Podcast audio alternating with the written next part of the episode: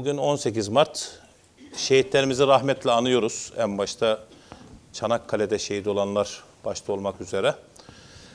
Tabii bu kısaca bir şeyden de gelelim. Hep anlatırız ya milli mücadele ruhu, Çanakkale ruhu vesaire filan diye. Tabii bu bizim sözde kalır.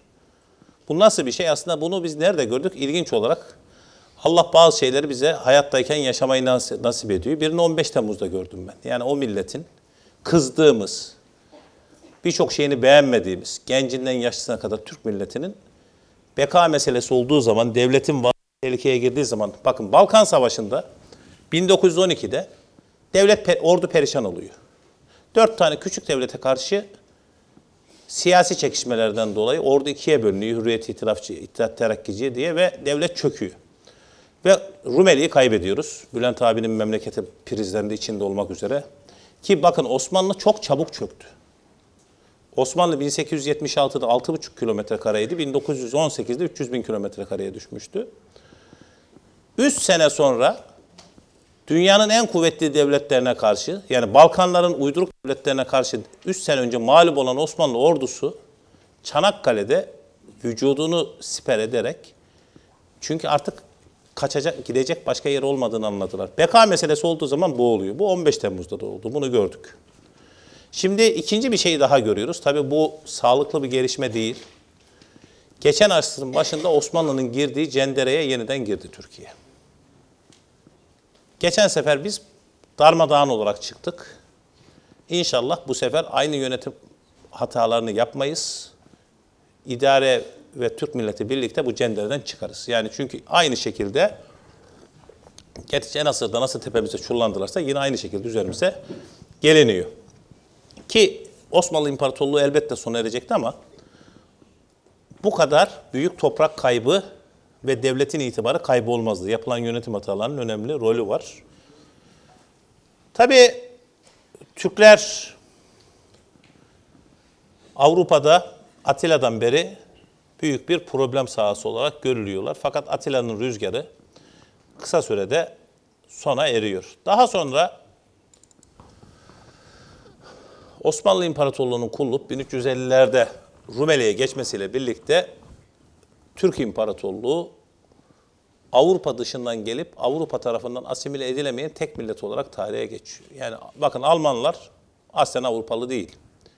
Kafkaslardan ve Rusya steplerinin üzerlerinden geliyorlar. Avrupa'ya en son gelen millet.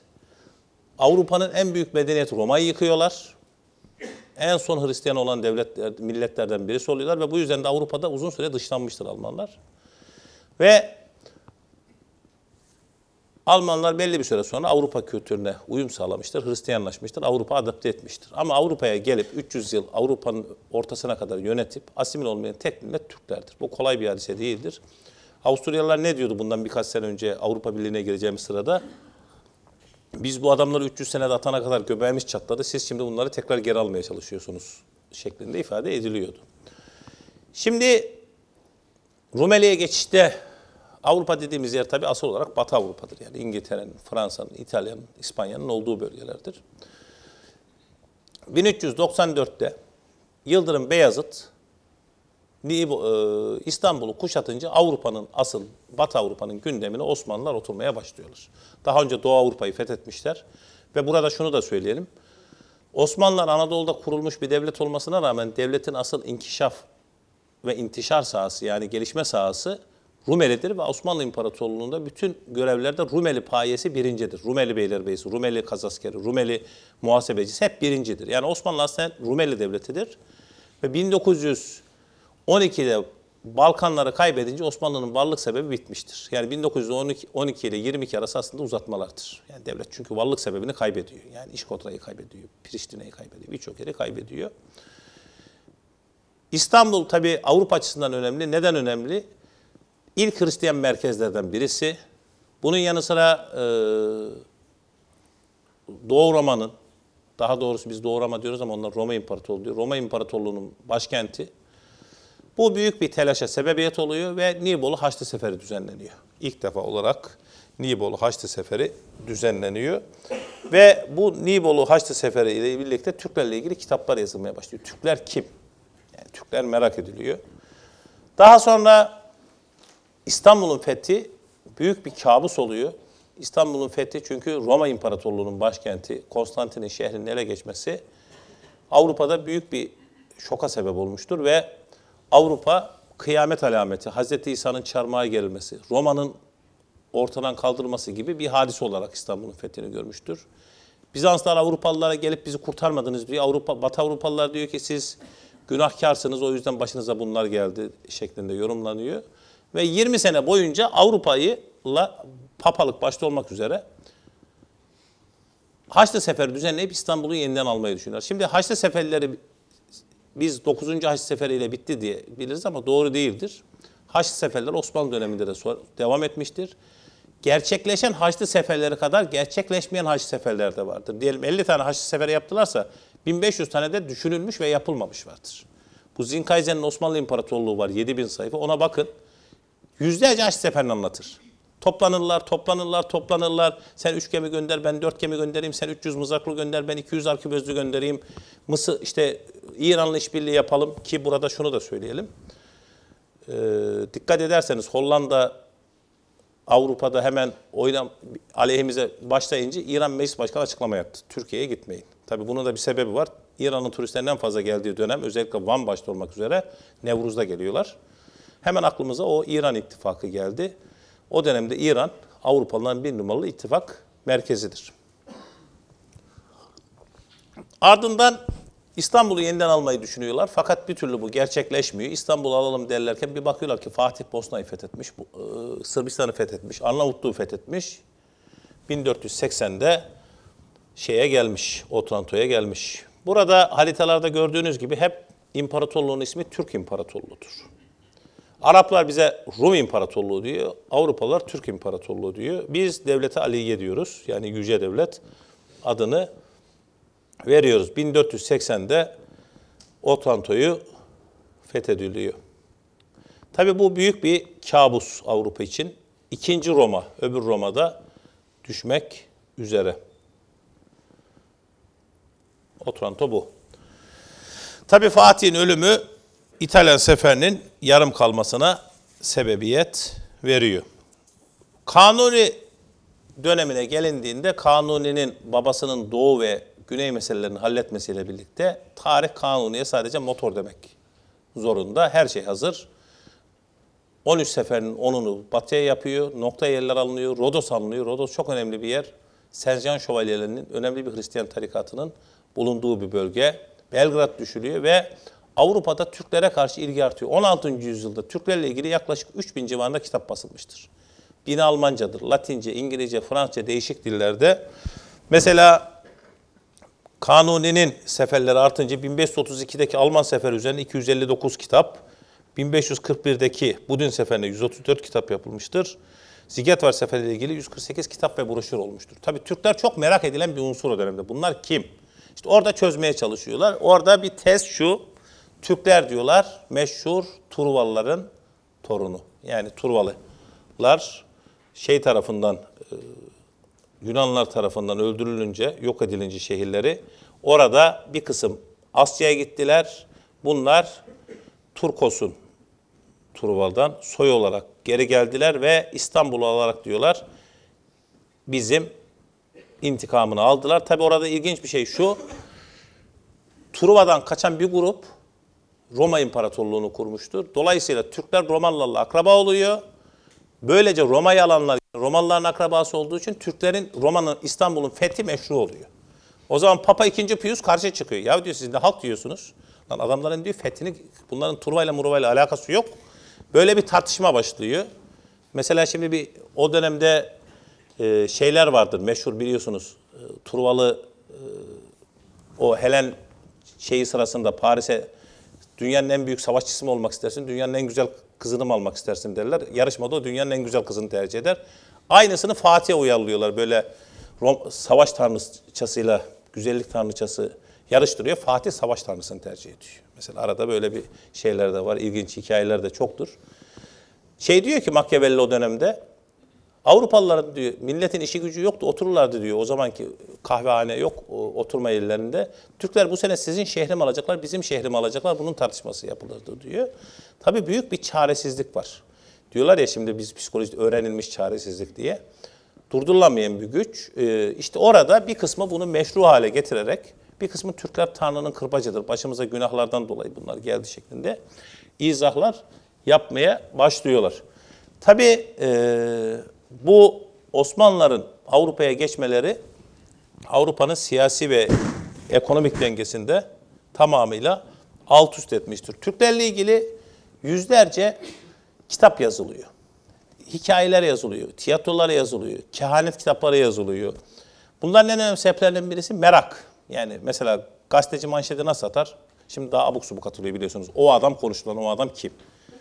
İşte o film yayınlandı filan gibi merak edilen bir unsur olması. İki, bu tür kitaplarla tehdidin canlı tutulması. Bakın burada parantez arasında size şöyle bir şey anlatayım. Devletler iç ve dış düşmanlar olmadan yaşayamazlar. Devletler düşman üretmek zorundadır. Bu bizim Cumhuriyet döneminde iç düşman açısından başarılı şekilde yapılmıştır. Her grup iç düşman olarak tanzim edilmiştir. Bu devleti dinamik tutar. Rehavete girden devlet çöker. Amerika bunu 11 Eylül'de yaptı. Tabii sizin yaşlarınız yeterli olmadığı için 91 yılında Sovyetler Birliği'nin yıkılmasından sonra bütün dünyada Amerikan üsleri kapatılmaya başladıydı. Orada yeni bir düşman yaratmaları lazımdı. Yeni bir düşman çıktı. Huntington'ın meşhur medeniyetler çatışmasında ve bütün tez bunun üzerine işleniyor şu anda. Yeni düşman artık dinler çatışmasıdır. Bütün dünyada buna doğru gidiliyor. Birinci aşamada karşısına İslam konuldu.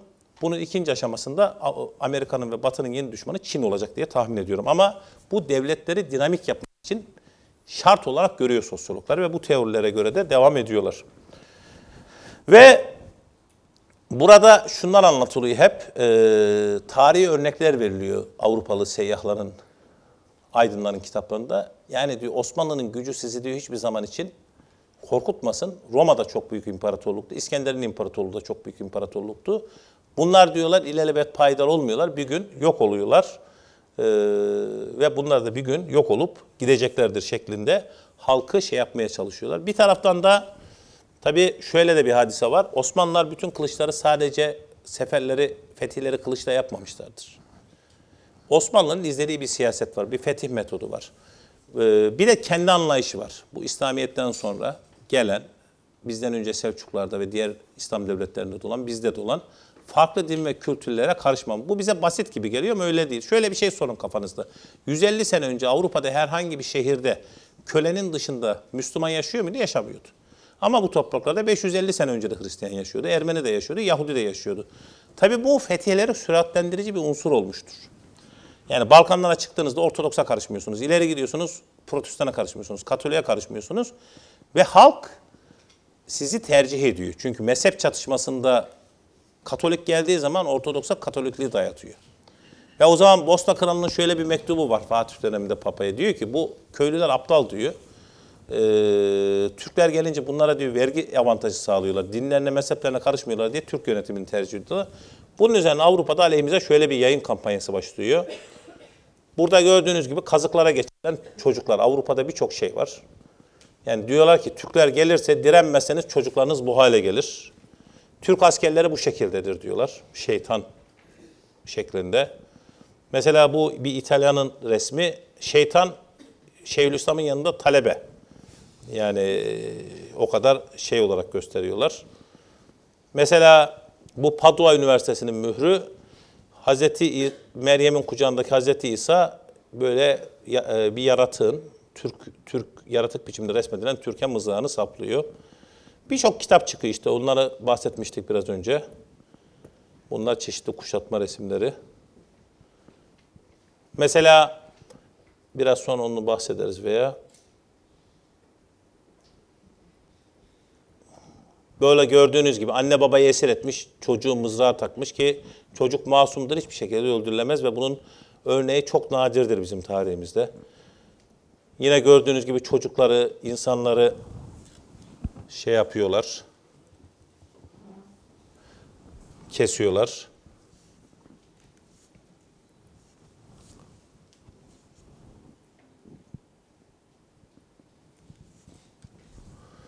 Yani bu şekilde yayınlarla Türklere karşı direnmeye teşvik ediliyor, korku yayılıyor. bir de kendi iç meselelerini unutmak için Türkler dış düşman odağına yerleştiriliyor. Mesela o dönemdeki Alman prensipleri Almanya'da vergiye mergiye kafa takılmasın, şey yapılsın şeklinde söyleniliyor. Bu e, tabi bu tür yayınlar rağmen Türk ilerlemesi de devam ediyor. Tabi bu arada Avrupa'da şu oluşuyor. Türkler yenilmezdir. Türkler yenilmez. Mesela bir Alman İskenderiye'ye gitmek için Mısır'da Avrupa'dan bir gemiye biniyor, bir Türk gemisine Balkanlardan. Yolda üç korsan gemisi saldırınca Türkler telaşlanıyorlar. O zaman Alman günlüğüne şunu düşmüş. Hayret diyor. Bunlar da bizim gibi insanmış ve korktular diyor. Şimdi bu bir psikoloji. Çünkü e, mesela bakın bunun bir çok kötü örneği bizim Türk Cumhuriyetlerinde vardır. Türk Cumhuriyetlerindekilerin kafasında hep şu vardır. Rus her şeyi yapar. Yani şimdi bu veya bazı yerlerde Amerikalı hiçbir zaman filmlerinde tesiriyle yenilmez imajı yerleştirilir. O dönemde de Avrupa'nın kafasına bu yerleşmiş. Türkler yenilmezdir. Tanrı'nın diyorlar kırpacıdır. Allah tarafından gönderilmiş cezadır. Tabi kiliseler bunu nasıl söylüyor? Siz diyor yoldan çıktınız, protestan oldunuz. Kiliseye gelip yeterince yardım etmiyorsunuz. Ve Allah da size Türkleri gönderdi. Fakat ilginç bir şey bir kısmı da diyor ki Türklere karşı savaşmak Allah'a karşı savaşmaktır. Ee, dünya Türklerin ahiret bizimdir. Vaazlar yapılıyor. Bunu bizde yapan imamlar da vardır bazen böyle zaman zaman maalesef. Hatta ben bir tanesine vaazda karşı çıktıydım. Ondan sonra Türk korkusu bir kabusa dönüşüyor. Kıyamet habercisi olarak e, aldanıyor. Mesela Erasmus, Rotterdamlı meşhur Avrupa'nın hümanist filozofu. Şehri dolayısıyla da aklımıza geldi biliyorsunuz. Ee, orada Erasmus hümanist bir filozoftur. Savaşa karşıdır. Fakat şöyle bir şey diyor. Savaşa karşıyım ama diyor Hristiyanlığın varlığının devam etmesi için Türklerle savaşmamız lazım diyor. Yani bunu yapıyor. Ee, Roma ve Büyük İskender imparatorluklar da yenilmezdi ama Türkler de bir gün yenilecek şeklinde onu anlatıyor. Tabi Avrupa'da o dönemde bakın Türkiye'yi parçalamak için 100 plan diye güzel bir kitap var. Bu çok önemli bir kitaptır. Bu yıllar önce çevrilmiş bir Romanyalı devlet adamının yazdığı kitap. Ee, bu kitap Türkiye'de yeterince fark edilmiyor. O kitap bulun okuyun. Onu Diyanet'te bastı galiba en son. Ee, bu kitapta yani biraz önce dedim ya binlerce hac seferi var tasarlanmış. Türkiye'yi parçalamak için yapılmış 100 tane planı almış adam koymuş. Bunlara baktığınız zaman Avrupa'nın ne kadar deve dişi adamı varsa Erasmus'tan tutun Leibniz'e, Bacon'a kadar hepsinin planı var. Yani adeta şu, aydın olmanın birinci şartı Hristiyan varlığını devam ettirebilmek için Türk İmparatorluğunu yok etmek. Herkes bir fikir atıyor. Ee, mesela Bacon 1629'da yayınlanan kitapta şöyle diyor, bakın o da ilginç. Türklere karşı savaş açılması tabiat kanunları, beşeri kanunları ve kutsal bakım, kanunlar bakımından doğrudur diyor. Yani her halükarda Türklere savaş açacaksınız. Meşhur Newton'un hocası Leibniz, Güneş Kral, Fransa Kralı 14. Louis'e sunduğu e, kitapta Türk İmparatorluğu'nun dağılma vakti gelmiştir. Tabi bir de burada şu var, havadan bir gök kuyruklu yıldız geçiyor. Ha diyorlar işaret geldi, Türkler sona erecek. Bu işarettir, hemen harekete geçelim. E, veya bir kedi diyelim, e, altı ayaklı bir kedi doğuruyor. Bu diyorlar bir işarettir. Tavuk bir şey oluyor. Mesela Leyla Coşan'ın Kıyamet Alameti Türkler diye çok güzel bir kitabı var Leyla Hanım'ın. Hat, e, orada bunu da anlatır. Her şeyden bir şey çıkarmışlar. Tabii bu büyük aciz. Bunu şu açıdan anlamamız lazım. Avrupa medeniyeti dünyada hiçbir millet ve hiçbir medeniyet karşısında bu kadar büyük bir aziz içini düşmedi. Şimdi bize bakarken bugünkü halimize ve şeklimize ve şimalimize bakmıyor tarihte çektiği eziyetleri görüyor. Kendisi açısından ve Türkleri potansiyel bir tehdit olarak görüyor. Yarın öbür gün diyor eski halimize düşmemek için bunları devamlı olarak budamamız lazım. Ee, ve bu budamayı da maalesef bizim de yardımımızla yapıyorlar. Ee, ve Leibniz'in mesela 14. Louis, Louis'e yaptığı plan daha sonra 14. Louis'de o dönemde bizim müttefikimizdir aslında. Fakat buna rağmen e, mesela Versay Savaşı'nın sarayında ki bir şeyde bir Türk kafatası var görüyorsunuz. 14. Louis'de Türkiye'yi fethetmek için 1686'da şey gönderiyor. Bakın bu da ilginç Çanakkale ile alakalı. Heyet gönderiyor. Çanakkale Boğazı'nın ölçümünü yaptırmış bakın. Faruk Bildirici'nin güzel bir kitabı var. Bütün mesela Seddül Vahir, Kilidül Vahir birçok kalenin şehirlerin resimleri yapılmış. Türkiye'yi nasıl işgal ederiz diye çalışmalar yapılmış ki bir taraftan da bizde müttefik o dönemde. Tabii böyle birçok plan var. Mesela 16. yüzyılda bir Alman seyyahı Gellach kitabını şöyle bitiriyor. Kitap burada bu, bitiyor. Allah da Türk devletini sona erdirsin diyor. Mesela Machiavelli büyük bir siyaset filozofudur. iyi bir askeri teorisyendir. Avrupa'da önemlidir. Ee, Rönesans'ın tek düzgün siyasi filozofudur. Türkleri analizini yapar. Ee, mesela iyi de analiz yapmış. Türk devletini diyor ortadan kaldırmak zordur. Çünkü kendisinize diyor orada diyor ortak bulamazsınız. Yani padişahtan başka güç yoktur orada diyor. Mutlak bir hükümdar vardır. Ama diyor Fransa'ya gelseniz bir sürü feodal bey vardır. Onlar için Fransa önemli değildir. Sizle işbirliği yaparlar. Fransa kralını çabuk ortadan kaldırırsınız fakat Fransa'ya zor hakim olursunuz. Türkiye'de ise diyor padişahı rahat ortadan kaldıramazsınız. Ama ortadan kaldırırsanız da diyor hanedanın yerine ikame edilecek yeni bir şey yoktur şeklinde yorumlar yapıyor. Tabii o dönemde herkes korkmuyor. Bir taraftan da umut var. Yani özellikle ezilenler, İspanya'daki Yahudilerden tutun, Müslüman Moriskolara, Balkanlarda ezilen Ortodoks Hristiyanlara kadar birçok şeyde de Türk umudu var. Yani Türkler gelsin, bizi kurtarsın e, şeklinde düşünülüyor. Mesela biz 1699'da Mora Yarımadası'nı kaybettiğimizde e, oradaki Rumlar Katolik idaresi yerine, Hristiyan idaresi yerine Türk idaresini tercih etmişlerdir ve 1715'te Roma, Mora tekrar alınmıştır. Mesela bu dönemde ilginç bir kişi Luther. Luther e, Protestanlığın kurucusu biliyorsunuz. Luther'de Türk umudu ve Türk korkusu içeride diyor ki iki büyük düşman vardır. Büyük şeytan ve küçük şeytan. Büyük şeytan papadır diyor. Önce büyük şeytanı yok etmemiz lazım. Sonra küçük şeytana sıra gelir diyor. Ve Türk korkusunu hep kullanıyor. Çünkü Avrupalılar Türklerle uğraşırken o protestanlığı rahatlıkla yayabilmiştir. Tabi Luther eee Türklerin aleyhine bir şey yazmayınca o da devamlı teşvik ediyor. Türklere karşı e, bir kitap yaz diye bir yazıyor ve orada şunu diyor. Türk Tanrı'nın öfkeli kırpacı, yakıp yıkan şeytanın uşağı olduğu için Türk'ten önce, önce efendisi olan şeytana inmemiz lazım diyor. Bu da diyor papadır diyor. Tanrı'nın kırpacını almak, Türk'ü tek başına bıra- bırakmak gerekir. Din adamları Tanrı'nın işlenen sayısız günah ve nankörlüklerinden dolayı Türkleri Almanların başına musallat etmiştir diyor. Hristiyanlar Türklerle savaşmamalıdırlar. Türkleri Tanrı'nın gazabı ve kırpacı olarak görüp dua ve ağıtlarla kendilerini korumalıdırlar. Burada ilginç bir şey. Türklerden karşı korunma duaları var. Bir de bunların çocuk versiyonu var. Luther de yazmış. Yani Türklerden korunmak için yapılmış yüzlerce dua var. Ee, yüzlerce hikaye var. Şeyler anlatılmış. Ee, diyorlar ya anneciğim Türkler diye meşhur. Yani bu çok daha ilerisindedir bunun.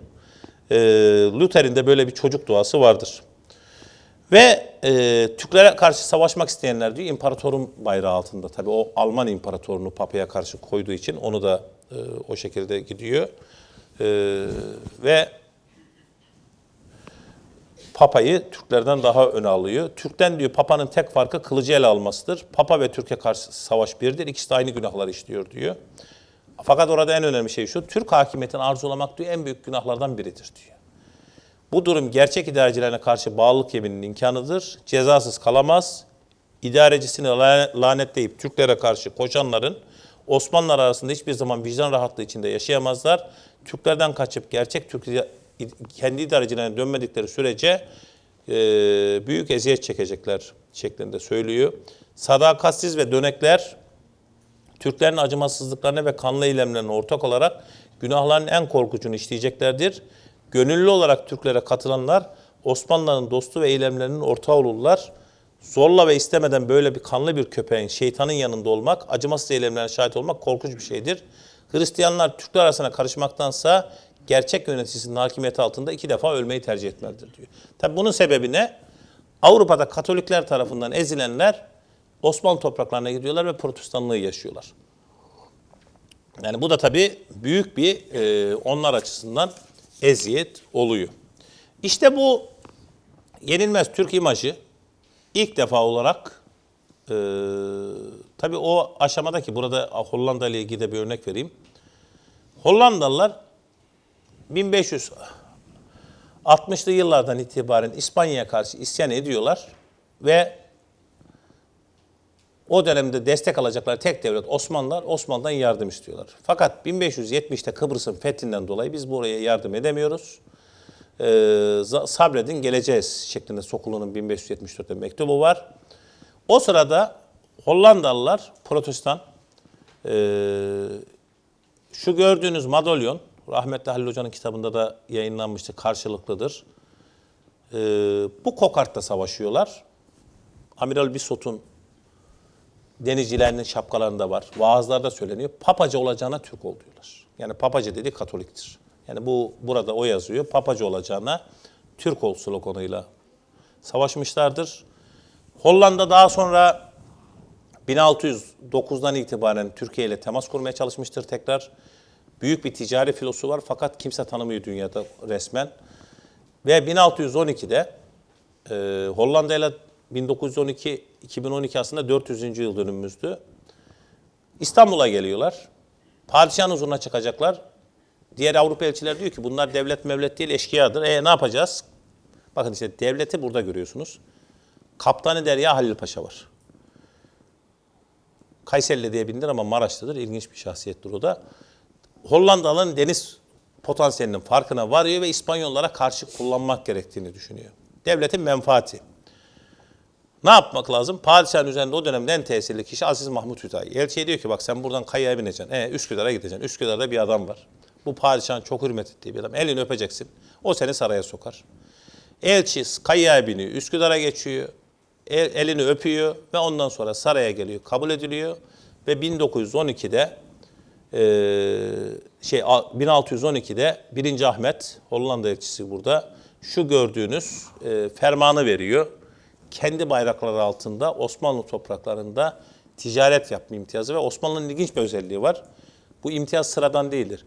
Kralınızı diyor padişahın kulluğuna kabul ettik diyor bizimkiler. Yani böyle şey değil, e, büyük bir şeydir, hiyerarşidir.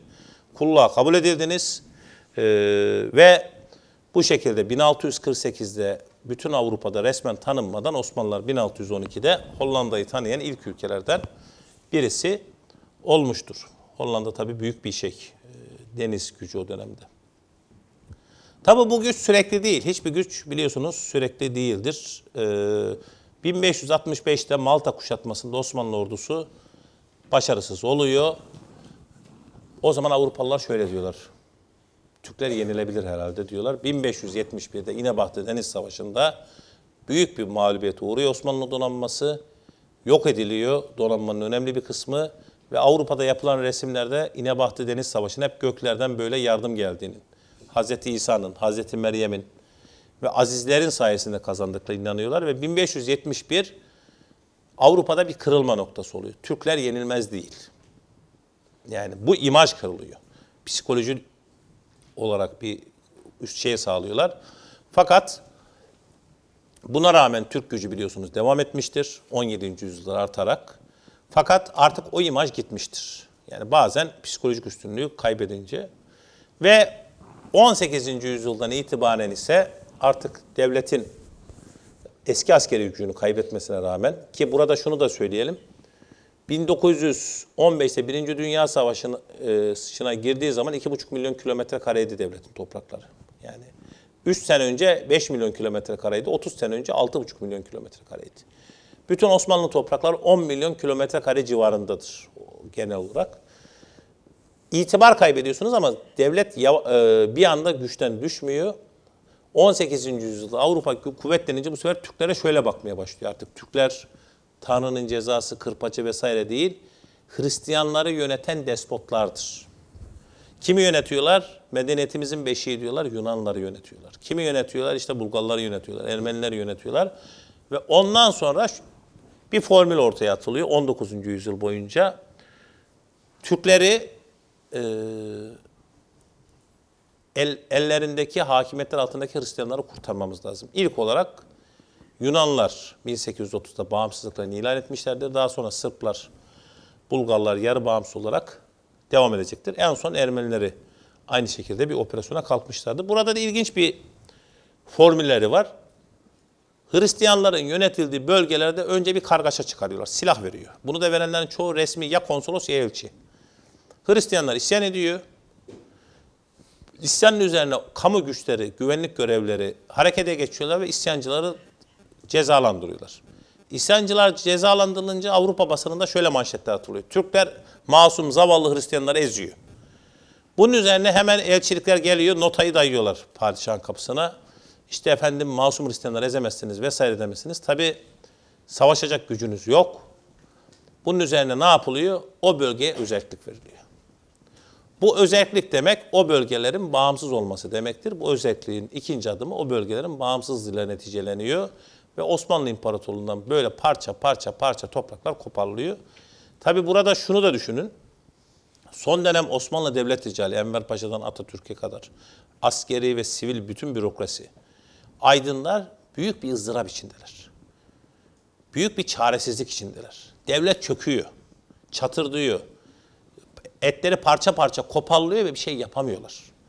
Makedonya'yı kurtaralım diyorlar, kurtaramıyorlar. Ee, Arabistan, Arnavutluğu kurtaralım diyorlar, kurtaramıyorlar. Bir çaresizlik var. Ee, herkesin ayrı bir metodu var. Mesela Abdülhamit iyi bir yöneticidir. Halka ruh verememiştir. İttihatçılar halka ve gençlere iyi bir ruh vermişlerdir. Onlar da kötü yöneticidir. Yani ikisi bir araya maalesef gelmemiştir. Ve e, son dönemde şu bardağın yere düşüp paramparça olması gibi bir anda imparatorluk paramparça olmuştur. Yani düşünün 1912'de e, 1911'de 5 milyon kilometre kareye hükmediyorsunuz Adriyatik'ten Yemen'e kadar. 1918'de Sivas'ta Tokat arasında kalıyorsunuz. Yani milli mücadele olmasa o da olmuyor. Ve e, Avrupalılar için Türkler aynı zamanda nedir?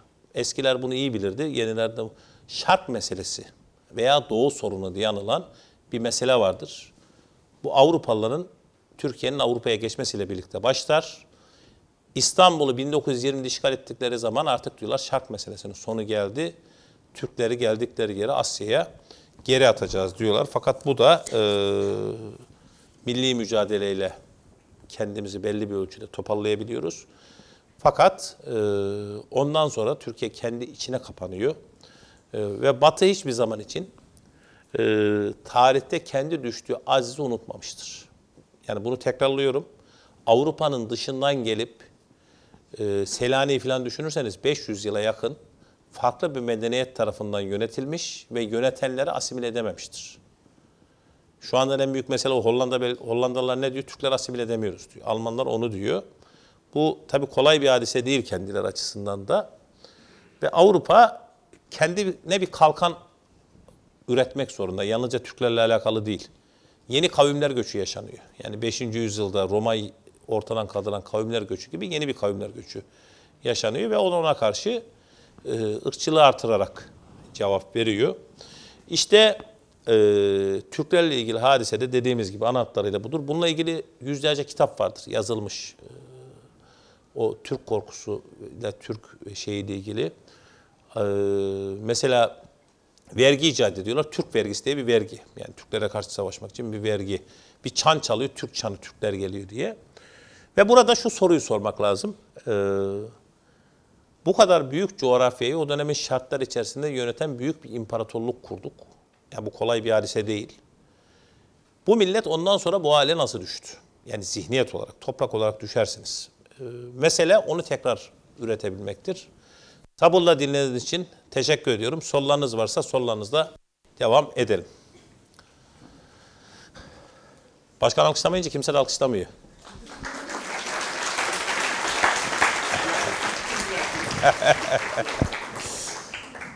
Yok baktım uyumaya başlayacaklar. Biraz diyaloğa sokalım. Evet başkanım. Hocam e, bir yazar veya bir akademisyen Hasan Bülent Kahraman üç gündür bu konuyu işliyor. Hmm, Sabah okumadım, ben bakayım gazetelerinde Ve ge- geldiği nokta Avrupa'ya yeni bir düşman lazım. Sizin de gibi. Ve e, Avrupa'nın yeni Yahudileri Türkler ve Müslümanlar diye bir hükme vardı. Ne dersiniz? Ya bu ya bu tabi buradaki hadise şu. e, devamlı Avrupa'ya gidip geliyorsun. Ve e, Avrupa'nın sömürgeleri Avrupa'yı işgal etmeye başladı. Yani Fas'tan tut Tunus'a kadar, Cezayir'e kadar ve devletlere tarih boyunca hiçbir zaman rehavet yaramamıştır. Osmanlı Devleti ne zaman savaşmıyorsa 20 sene 30 sene sonra perişan olmuştur.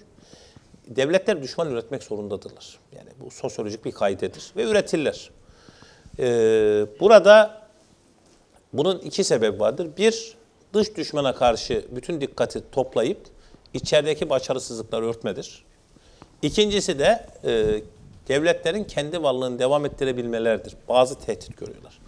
Bu şimdi göç sürdüğü müddetçe Asya'dan ve Afrika'dan Avrupa medeniyeti yavaş yavaş yavaş ortadan kalkacak. Bu görülüyor. Amerika gibi kendi dinamikleri yok Avrupa'nın. Yani o canlı hayatı da yok. Ve e, bu tabi burada biz de diklendiğimiz müddetçe daha somut bir düşman ortaya çıkıyor. Şimdi şeyi düşünün. Zavallı Afgan'ın Suriyeli göçmeni böyle düşman olarak göstermeleri çok kolay bir hadise değil. Ama karşısında siz bir devlet olarak çıktığınız zaman tarihi düşmanlık ve tarihi e, şeyi de hatırlatarak daha somut bir düşman ortaya sunuyorlar. Tabi buradaki şey şu, Avrupa'da her zaman için bir düşmanlık vardı ama bu şimdi aleni hale geldi. Yani bu potansiyel olarak vardı. Kibardılar. Filozof, centilmen dediğimiz Avrupalı birdenbire bir baktınız daha sert, rigid e, yapısı ortaya çıkmaya başladı. E, kendi medeniyetlerini kendi düşüncelerine göre devam ettirebilmeleri için e, özellikle büyük bir medeniyet savaşı içine girmeleri şart olarak görüyorlar. Bunu Avrupa ve Amerikalı düşünürler de böyle düşünüyor. Ve burada da asıl odaklanma merkezi şimdi Türkiye oluyor.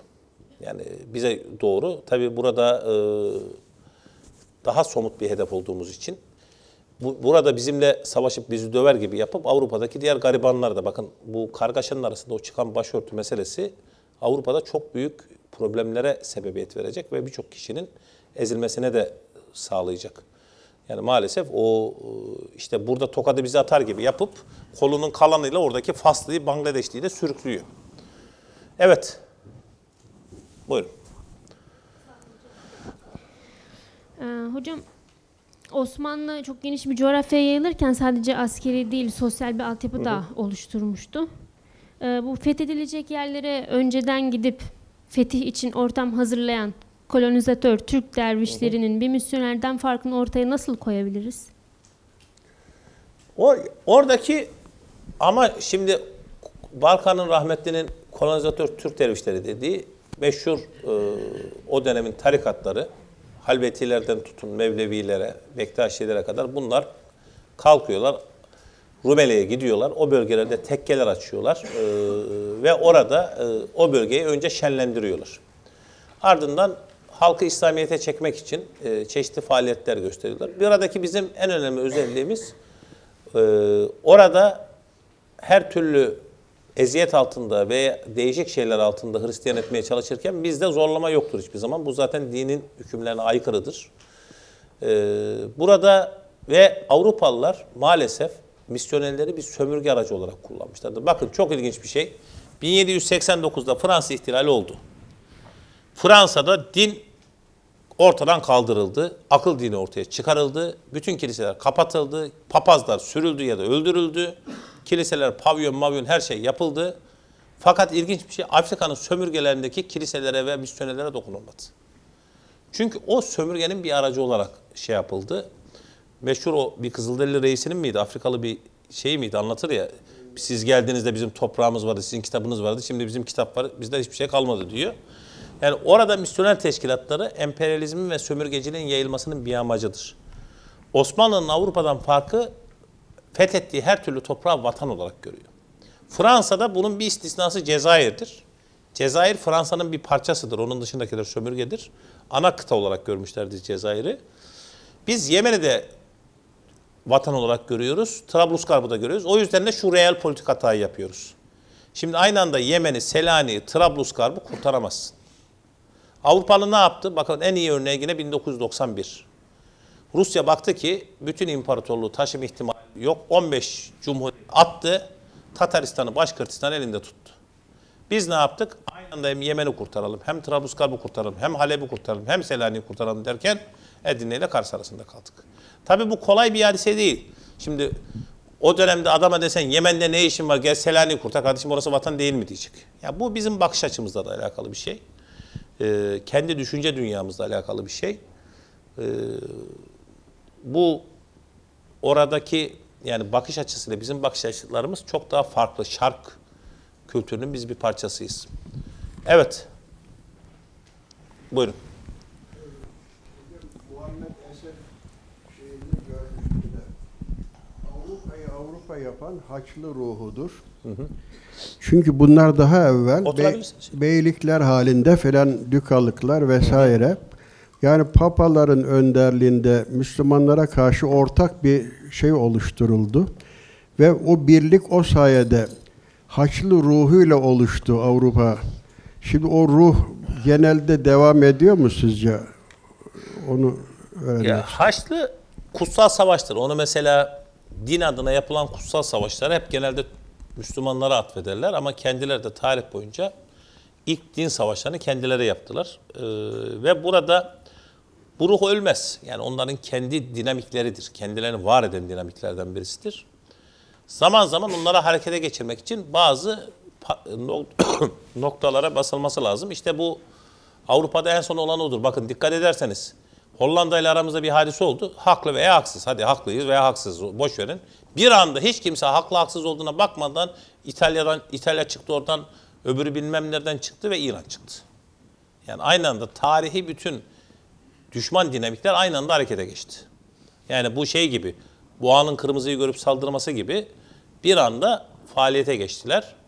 Ve, ve bile- biraz önce Bülent Başkan'ın söylediği gibi de Avrupa kendisine somut düşman yaratıyor. Yani burada bizim hedef küçültmemiz lazım. Yani biz, biz de burada hedefi küçültmezsek eee, bir anda asıl çıplak hedef noktasına biz oturuyoruz. Evet. Buyurun. Ee, üç, üç kıtaya hakim olan Osmanlı İmparatorluğu'nun yükseliş devrini biliyoruz. Acaba sizce e, Osmanlı İmparatorluğu neden çöküş devrine geçti? Bunun gerçek nedeni sizce nedir? Merak ediyorum. Ya Teşekkür milletler ederim. ve devletler yaşlanır. Yani biz nasıl yaşlanırsak mesela ben 35 yaşında basketbol oynamaya çalışırken tendonu kopardım. Niye? Çünkü 15 yaşında 20 yaşında oynarken bir şey olmuyordu ama 35'ten sonra anladık ki tendon kopunca ayak tendonu o yaşta artık ağır spor yapmamanız lazımmış. O vücut eski şeyi çekmiyor. O kadar sene dirsek diye bir şey olmuyor. Devletler ve milletler de yaşlanıyor. Şimdi bizim Avrupa'dan farkımız şu. Avrupa'da farklı milletler Avrupa medeniyetini taşıdılar. Yani 15. yüzyılda Portekiz, 16. yüzyılda İspanya, 17. yüzyılda Fransa, 18'de Fransa, 17'de Hollanda, 18, 19, 20'de İngiltere, 21. 20. yüzyılda ve 21. yüzyılda Amerika taşıdı Batı medeniyetini. Şimdi bizde önce Araplar, daha sonra da 1055'ten itibaren Türkler aldılar ve İslam medeniyetini taşıdılar ve yoruldular. Biz yorulduk. Biz yaşlı bir milletiz. Yani buradaki en büyük problemlerden birisi de bu. Beyin emir veriyor, e, vücut harekete geçemiyor. Arada bu yükü bir başka bir milletin alması lazımdı. Mesela bana göre tarihi olarak Kavalalı bunu yapabilirdi. Yani o yeni bir dinamizm gelmesi lazım. O yeni dinamizm gelmeyince kendinizi yenileyemiyorsunuz. Gelişen şartlar altında e, devlet olarak, millet olarak yenileyemiyorsunuz ve bir çöküş kaçınılmaz oluyor. Yani bunu İbn Haldun ta eskiden beri der. E, devletlerin bir gençlik ve delikanlılıkları ve çöküş dönemi vardır diye bir deve çizgisi vardır. Osmanlı da buna karşı devlet ebed müddet fikrini oluşmuştur. Yani ebediyete kadar sürecek Osmanlı İmparatorluğu şeklinde. Yani biz yorulduk. Yani bunun birçok teknik sebebi var başka. Ama zihin olarak yorulduğunuz zaman yenileyemiyorsunuz. Yani bir tane liderle de olmuyor. Bir lider buluyorsunuz yenileyecek. Çevresine ekip bulamıyorsunuz. Ekip buluyorsunuz, lider bulamıyorsunuz. Ee, ikisi bir araya gelmiyor. Ve e, bu olmadığı için de ama buna rağmen tabii şu da önemlidir. E, Moğolları düşünün. Tarihin en büyük devletlerinden birisi.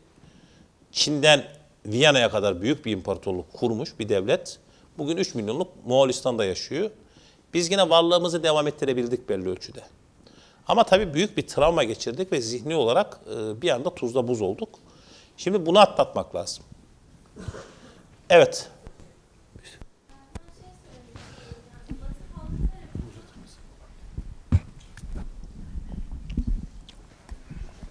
Ya benim gözlemlediğim bir şey var. Batı halkı tarafından Türk kültürü Arap kültürü zannediliyor. Yani Erasmus'lu öğrencilerle konuştuğumda ya da e, Batı'ya ait filmleri izlediğimde Türk tasvirleri genelde Nerede Arap okuyorsun? kültürüne. Marmara Üniversitesi. Yok branş. Tıp fakültesi. Tıptasın. hı hı. Evet. Yani buraya geldiklerinde şaşırdıklarını söylüyorlar. Yani böyle düşünmediklerini. Ya bizim millet olarak çok farklı olduğumuzun farkındayız ama hani Avrupa bence bunun ayrımını yapamıyor. Bunun nedeni ne olabilir diye soracaktım size. Şimdi devlet çökmeye başlayınca geçen dönem meşrutiyet döneminde yazarlar şunu yazıp çizmeye başlıyorlar. Bir tanesi diyor ki tabii dedim ya biraz önce büyük bir çaresizlik var. Ya biz ne yaparsak yapalım Antarktika'ya bile gitsek bu Avrupalılar bizim peşimizi bırakmayacak. Tek çaremiz Hristiyan olmak diyor. Böyle birçok şey var. E, meşhur Abdullah Cevdet'in biliyorsunuz Türk ırkının ıslah projeleri vardır. Hepsi kısa boy, nasıl boyları uzatırız. Macar erkekler getirelim falan şeklinde teorileri var. Şimdi tabi burada bu çaresizlik içinde bizim batılılaşmamızla birlikte tabi batılaşmanın sebebi devleti ve milleti var edebilmek yeniden. Yani yeniden bu millet var olsun diye. Tanzimatla ve Cumhuriyet'te yapılan batılaşmanın şeyi bu. Şimdi bu Hollanda tartışmaları sırasında televizyonda bir tane önemli bir televizyon dış haber müdürü şöyle diyor. Avrupa diyor biz 300 yıl önceki gibi. Ya 300 yıl önceki gibi görsün. 300 yıl önce biz hayvan mıydık ya? 300 yıl önce bu millet büyük bir medeniyetin mirasçısıydı. Yani e, bizi 300 yıl önce e, görsün 300 yıl önce kötü bir şey miydi yani? Şimdi hep e, işte bizim bu çaresizlikten dolayı Avrupa'ya bir yaranma endişemiz var maalesef. Biz sizin gibi giyiniyoruz, elbise giyiyoruz, fes takmıyoruz vesaire etmiyoruz diye. Bu, dediğimiz gibi o parçalanma döneminde giden şeydir. Siz istediğiniz kadar benzeyin. Hiçbir şey aslı gibi olmaz. Yani ne olursa olsun bir kere siz farklı bir tarihten, farklı bir kültürden, farklı bir coğrafyadan ve farklı bir medeniyetten geliyorsunuz. Yani Avrupa Avrupa dediği zaman Romanya, Bulgar'ı da Avrupa kültürünün içine koymuyor. Onlar dış dış halka. Yani asıl ana halka farklı. Evet. Buyurun.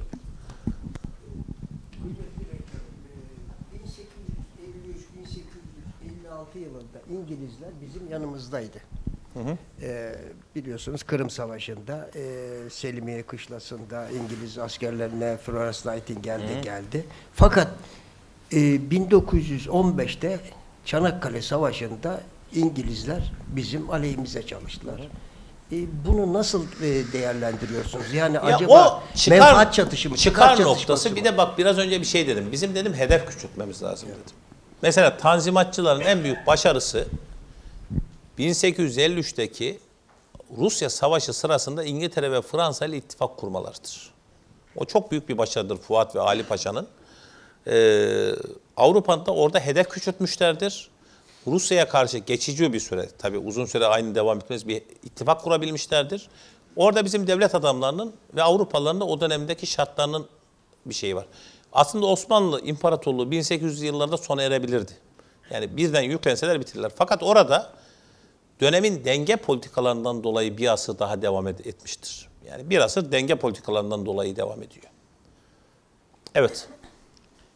Devletler yaşar, büyür, e, doğar, büyür ve ölür dedik. Değil mi? Tabii antropomorfik bir çizgidir bu. İbn Haldun'dan beri gelen Peki insan ya- biçimci. Çin veya İran niye öyle olmadı? Çin.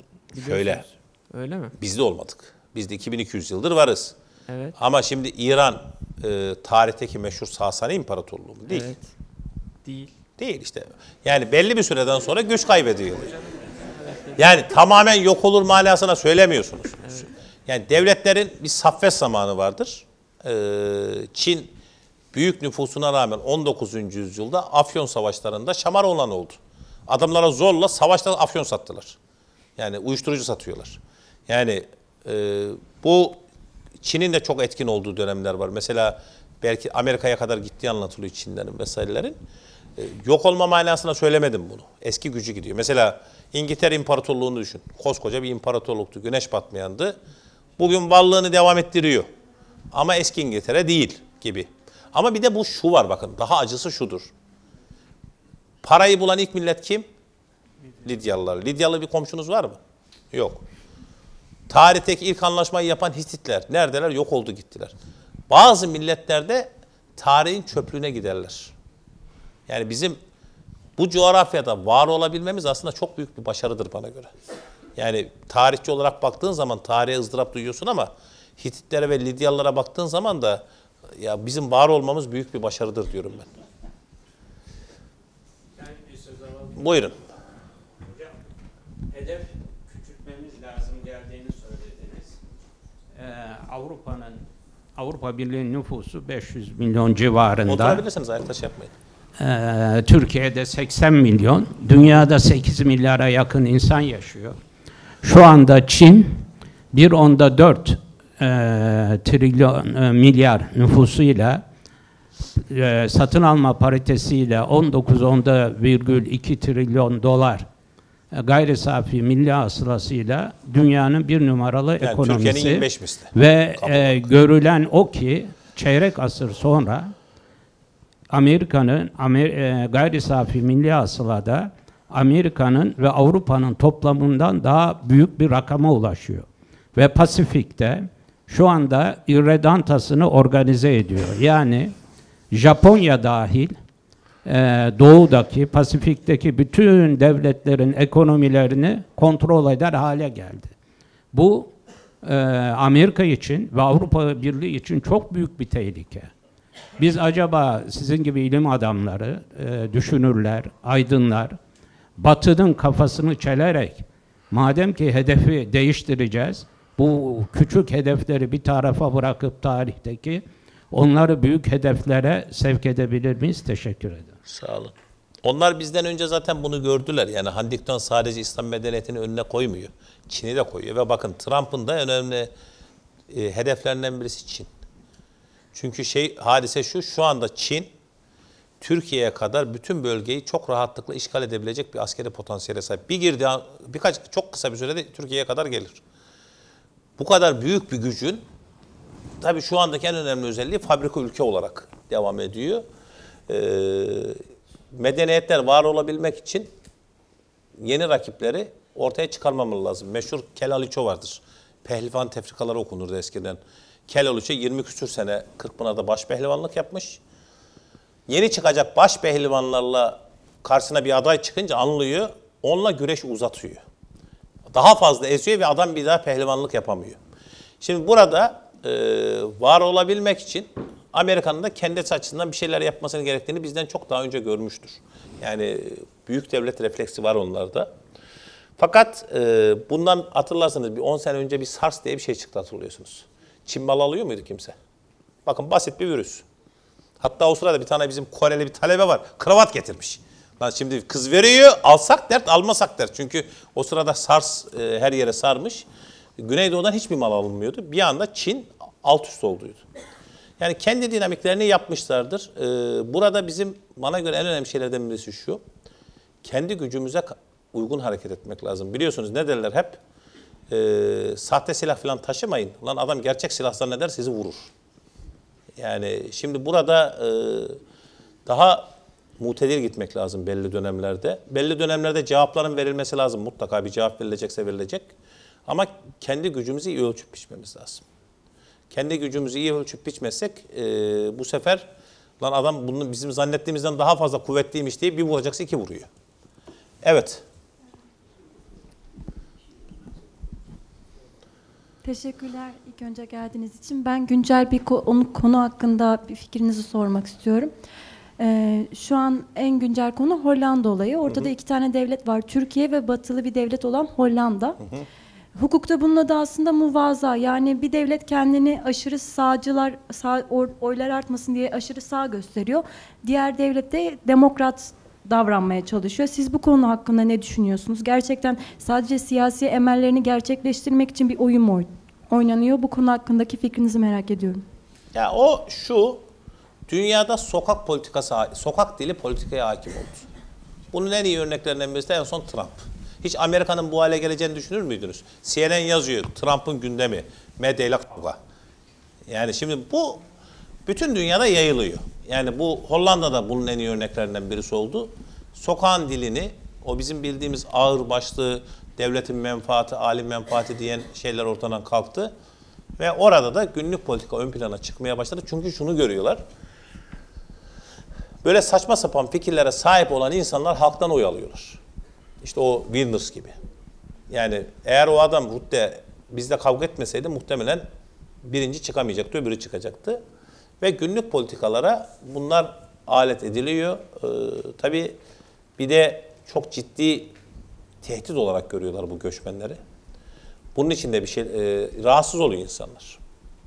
Yani aslında şimdi düşünsene 3 milyon Suriyeli gelmiş Türkiye'ye. Şimdi 100 bin tane Suriyeli gidip bir Hollanda'ya yerleşse düşün olacak hadiseyi. Ee, ondan dolayı da sokak dili politikaya hakim olduğu için bundan sonra diğer ülkelerde de artarak bu devam edecektir. Yani bu ırkçılık e, dediğimiz çok abuk subuk konuşmaları yapan o eski Helmut Kohl'lar vesaire gi- gibi böyle kelli felli adamlar da olmayacaktır. Evet, Hocam bir, buyur. e, benim sorum İslam medeniyeti üzerine olacak. E, asırlarca e, elhamdülillah bu İslam medeniyetinin bayrağını en iyi şekilde taşıdık, taşımaya da çalışıyoruz. Ancak geçmişten günümüze kadar e, İran'da belli dönemlerde bize eşlik etti veya şu anda hala e, o safta yer alıyor. Benim sorum şu e, üzere olacak. Batı'ya karşı İslam medeniyeti açısından İran'la ilişkimizi nasıl görüyorsunuz veya İran'la aramızdaki ilişki nasıl olmalı? Çünkü burada e, Mehmet hocamızı da ağırladık Mehmet Genç. Kendisinin daha önceki konuşmalarında şunu belirtmişti. Önceki konuşmalarını dinlediğimde. İslam medeniyeti iki buçuk devlet üzerine temellidir. Bir tam devlet Türkiye yani Osmanlı, bir tam devlet İran, biri diğer yarım devlet Mısır. Bu e, konu üzerinden yola çıkarak yani İslam medeniyetini batıya karşı kullanmak açısından İran'la ilişkimizi sormak istiyorum sizlere. Bizim mesela en son hükümet AK Parti yönetimleri İran'la iyi ilişkiler kurmaya çalıştılar. Hatta birçok yerde nükleer meselede İran'ı korudular. Yani nükleer enerji yok vesaire diye. Fakat buradaki problem şu. 900 yıl İran farklı milletler tarafından yönetildi. Türkler yönetti, Moğollar yönetti. Ee, 1920'ye kadar İranlıların kendi yönetimleri yoktu. 1920'de İranlı olan Pehlevi ailesi yönetime geldi. Hiçbir şey olmamış gibi devam ettiler. Çok kuvvetli bir devlet yapıları var, tarihi altyapıları var. Büyük diplomatlar. Bizim kolay kolay baş edebileceğimiz diplomasi açısından da bir devlet değil. Yani her türlü şeyi kullanıyorlar. Ve Orta Doğu coğrafyası da onların kuvvetlenmesine şu anda uygun bir hale geldi. Bugün Suriye'de 35 bin tane Şii militan var savaşan. Lübnan, Suudi Arabistan, Bahreyn, Irak çok geniş bir coğrafyası var. Ve kendi tarihi misyonu doğrultusunda e, Türkiye'yi de kendisine bir set olarak görüyor. O yüzden sağlıklı bir ilişki kurmak kolay bir hadise değil. Mesela Türkiye'nin de elinde belli şeyler var. Bakın size çok basit bir örnek vereyim. Yakın zamana kadar İran'la Amerika biliyorsunuz düşmandı. Amerika Irak'ı parçalamak için ne yaptı? Kürtler ön plana çıkardı. İran'ın üçte biri Türk. Daha da fazlası hatta. Hiç Türklere yönelik bir operasyon yaptı mı? Yapmadı. Niye yapmadı? İran parçalanırsa Azerbaycan, Güney Azerbaycan ve Türkiye çok büyük bir Türk kitlesi ortaya çıkıyor. Büyük devlet bunu hesap eder. Yani İran'ın parçalanması lehine mi aleyhine mi diye. Ve e, orada da ilginç olan husus şu. Mezhepten dolayı Türk kimliği çok ön planda değilken 20 yıl öncesine kadar şu anda Türk kimliği ön plana çıkmaya başladı İran'da. Bu İran'da çok ciddi bir sıkıntı olacak. Yani İran'ın kendi devlet yönetimi açısından. Ee, oradaki Türklere de sahip çıkılması, ezdirilmemesi lazım. Hocam öncelikle hoş geldiniz. Ee, Türkiye'nin gündemi çok hızlı değişiyor. Şu an gündemin ana maddesi Hollanda Bizim ama ülkede bakın iki şey bitmez. Bir kriz bitmez. Yani 100 yıl önceki, ya böyle internette gazeteler var açın. 100 yıl önce de devamlı krizle yaşıyoruz. Ama bunun ne avantajı var bize? Krizle yaşadığınız için başınıza büyük bir felaket geldiği zaman hemen yeniden organize olabiliyorsunuz. Ee, iki gündem çok hızlı değişir.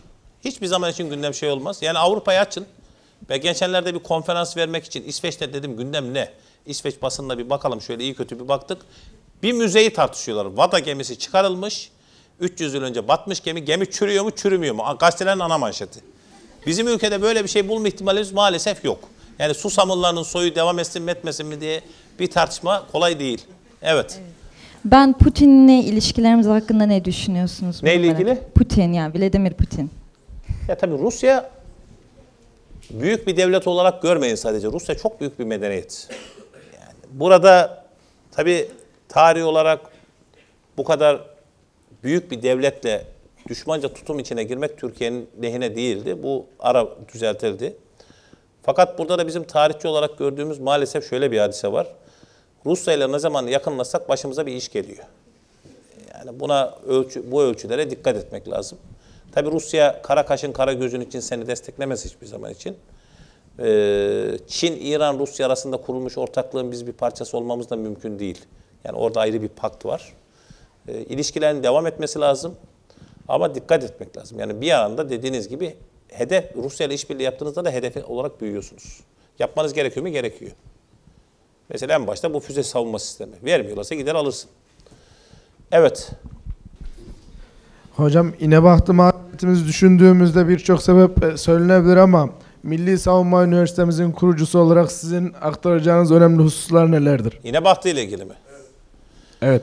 İnebahtı Savaşı 1571'de bir gemi teknolojisinin değişimidir. İnebahtı Savaşı Kalyon adını verdiğimiz daha büyük gemilerin denizlere hakim olmasını başlatan hadiselerdir. Bizde kürekli gemiler var. Ee, Barbaros kürekli gemileri tercih ediyor. Avrupa kalyona geçiyor. Kalyonun avantajı şu, yelkenle hareket ettiği için rüzgarı bulduğu zaman devasa kale gibi gemiler. Fakat Akdeniz durgun bir deniz. Her zaman rüzgarı bulamıyorsunuz. O yüzden e, Barbaros kürekli gemileri tercih etmiştir. Tabii İnebahtı'da bu kale gibi büyük gemiler Osmanlı donanmasını perişan etmiştir. Aynı zamanda e, liyakat diyoruz ya her zaman için. Müezzinzade Ali Paşa var. Ali Paşa iyi bir as- asker ama denizci değil. Kılıç Ali Paşa var mesela orada. Kılıç Ali Paşa'yı değil onu yapmışız. Bazen e, ölçüp biçilmeden yani buraya getirdiğin adam bu işin niteliklerine sahip midir değil midir? E, hiyerarşideki adaleti kaybettiğiniz zaman böyle sonu. Ya burada bizim hem yönetim problemimiz var hem de Avrupa'da gelişen gemi teknolojisinin önemli bir şeyi var. Bu o dönemde yine Bahtı'da biz donanmanın çok büyük bir bölümünü kaybettik. Fakat orada da ilginç bir şey var. Meşhur hep Sokullu'nun hikayesi vardır biliyorsunuz. Kıbrıs'ı alıyoruz. İnebahtı'da 1571'de mağlup oluyoruz. Venedik elçisi bize geliyor. Ee, bizimkiler bir de tazminat istiyorlar adamlardan. Adam diyor ki ya İnebahtı'da siz mağlup olmadınız mı? Biz diyor İnebahtı'da mağlup olmuşken sakalımız kesildi. Siz Kıbrıs'ı kaybederken kolunuz kesildi diyor. Kesilen sakal daha gür olarak çıkar. Kesilen kol bir daha yerine gelmez. Dediği doğru. Bir yıl içerisinde ar- arşive gittiğinizde bunun belgelerini görürsünüz. İmparatorluk, Osmanlı İmparatorluğu büyük bir savaş makinesidir. Büyük bir savaş makinesi gibi çalışıyor. Yok edilen donanma ertesi yıl Haziran'da tekrar 200 gemi yapılıyor. O zaman e, Fransa'nın burada bir temsilcisi var. Diyor ki gözlerimle görmeseydim böyle bir şeye inanamazdım diyor. Yani o kadar ağaç, yelken bezi vesaire her şeyi devlet sağlamıştır. Tabii bu kendi sınırlarını koruyacak bir donanma yapmıştır ama deniz üstünlüğünüz de bitmiştir. Çünkü hem tecrübeli denizcileriniz şehit olmuştur hem de kalyon çağına ayak uyduramamışızdır. Bir devrin sona ermesidir Akdeniz'de. Evet, sabırla dinlediğiniz için arkadaşlar e, teşekkür ediyoruz. Hadi bakalım.